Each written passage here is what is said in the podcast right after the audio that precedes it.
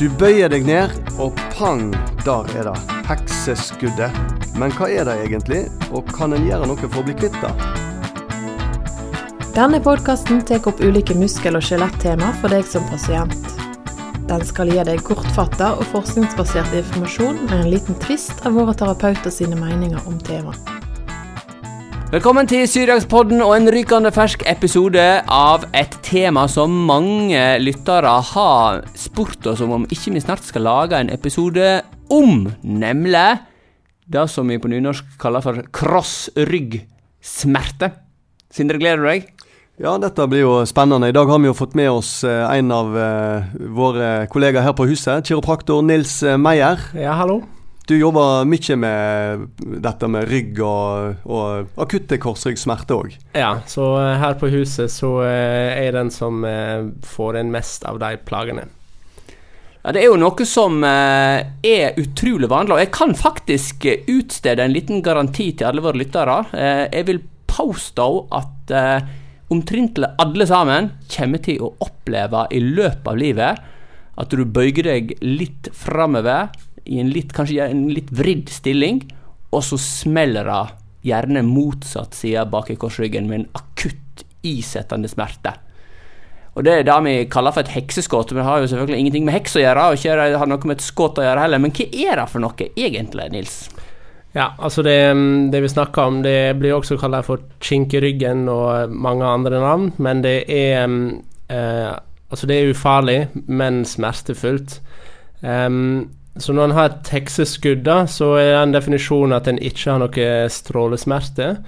Um, så det er ingen infeksjon, ingen brudd, ingen prolaps. Um, og um, ja, det føles som et knivstikk i ryggen, da. så det er ikke noe enkeltsvar for hva det er for noe. og ofte så er det en helt vanlig bevegelse som gir de smertene. men det er den mest vanlige ryggplagen, og um, det kommer nok av smerte i uh, ledda.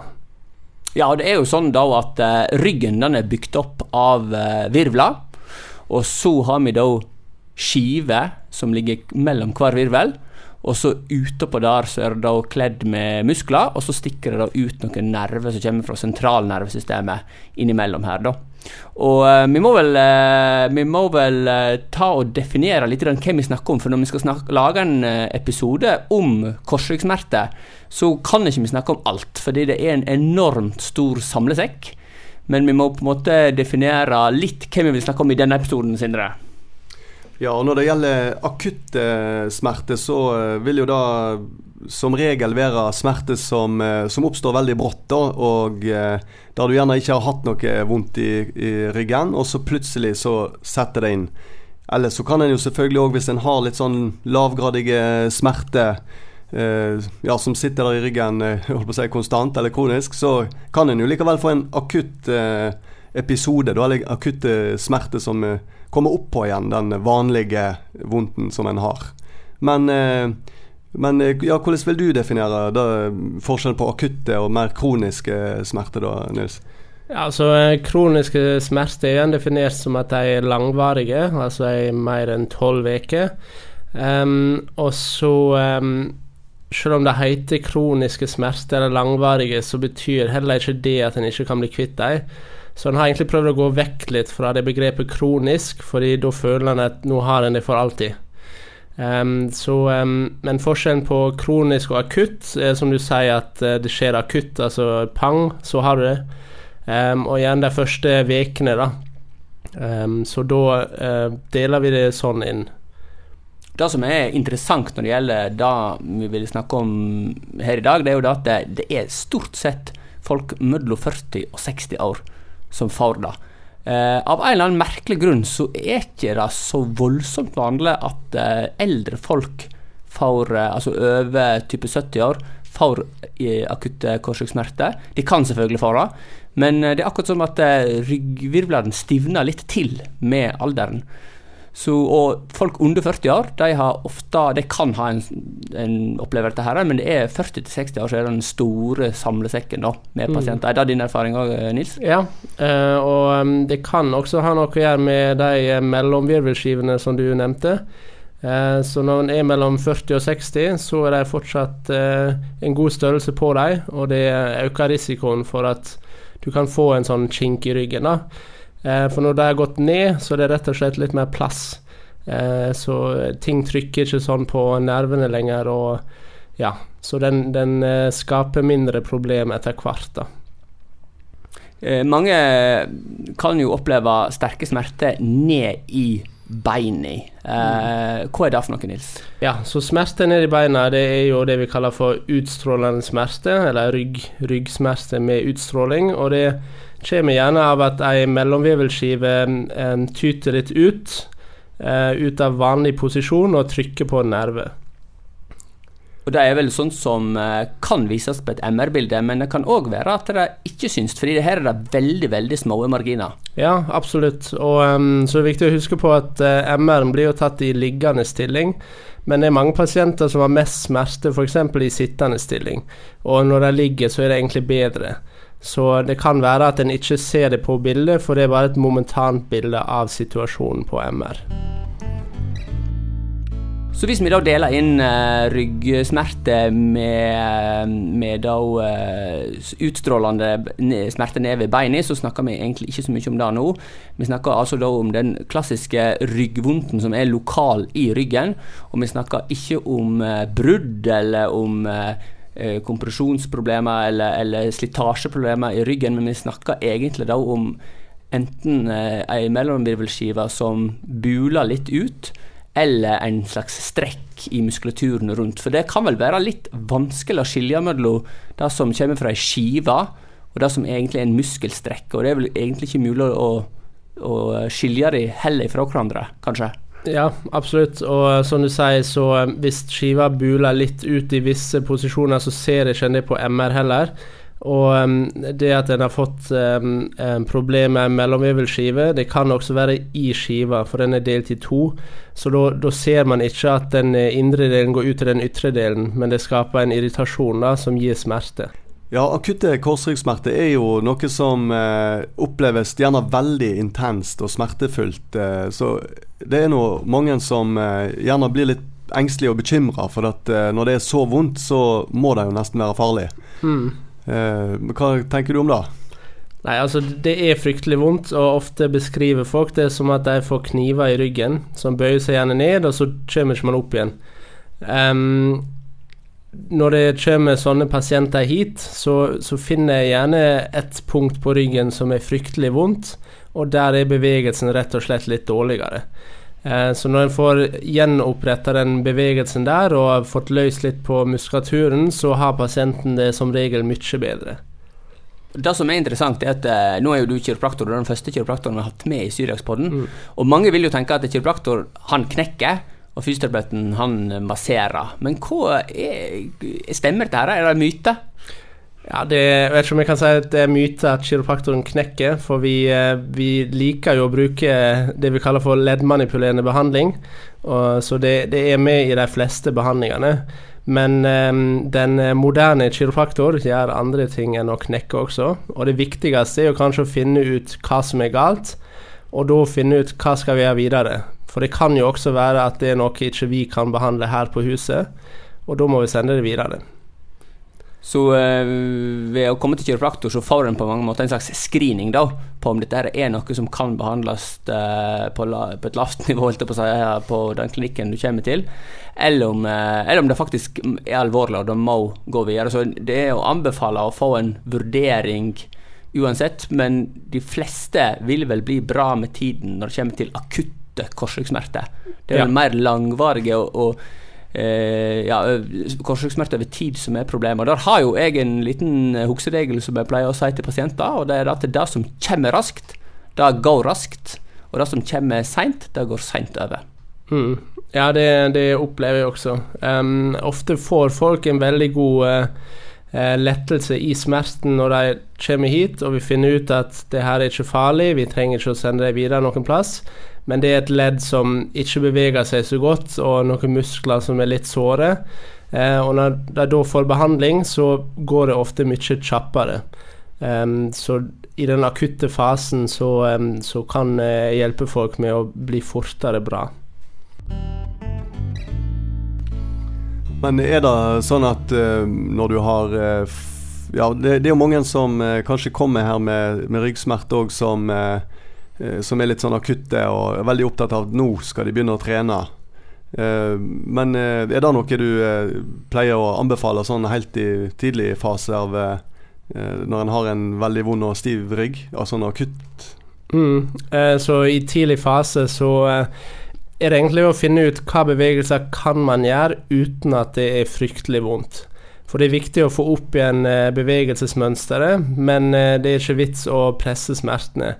Eh, og når ryggen er vond, så er en ekstra sårbar, så hvis en fortsetter treninga som normalt, så kan det være at det fører til andre problemer, eller andre vondter. Så gjerne prøve å få ned smerten litt bedre bevegelsesmønster, og så kan man gradvis komme tilbake i vanlig trening, da. Ja, og så er vel uh, mye av uh, behandlingen òg eh, består kanskje i, i, god informasjon, da.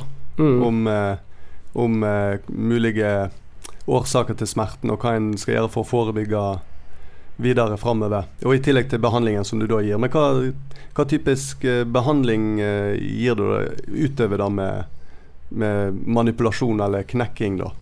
Så når jeg finner ut at en pasient har en låsning eller en nedsatt bevegelighet i ryggen, så um, um, legger jeg pasienten i en eh, stilling som gjør det mulig for meg å bevege leddet, uh, og få det tilbake igjen til uh, normal bevegelsesmønster. Og i den uh, knekkingen eller den manipulasjonen så blir det frigjort en gass i leddet, og det er den som lager den knekkelyden da, som mange syns er litt skummel. Og gjerne rett etterpå så har folk en lette i smertene. Så musklene slapper mer av, leddet beveger seg bedre, og pasienten føler seg bedre. Så akkurat på eh, kort sikt så er det eh, smertelette å gå eh, og få behandling, men forskning viser at på lang sikt så, så har ikke denne eh, manipulasjonen eller behandlingen så mye effekt utover det og, uh, og gi en smertelette på kort sikt. da. Mm. Eh, likevel så er det jo mange som vil synes at det er deilig å få hjelp i tidlig mm. fase, selv om det ikke er nødvendig for den langsiktige utviklingen. Ja, så det, det er jo, forskjellen er jo kanskje om du, du må gå med ubehag i ryggen i to uker, eller om du på en måte får smerteletten med en gang, og du kan begynne å komme i gang med å bevege deg mer normalt tidligere. da. Du sa at eh, den kroniske fasen gjerne blir eh, regna for å begynne etter ca. tolv uker. Og tenker på de som eh, har smerte som varer såpass lenge, og, og enda lenger. Er det andre ting som du vurderer da som viktig å ut, utover det som du på en måte tilbyr av behandling og, og tanker i akuttfasen? Mm.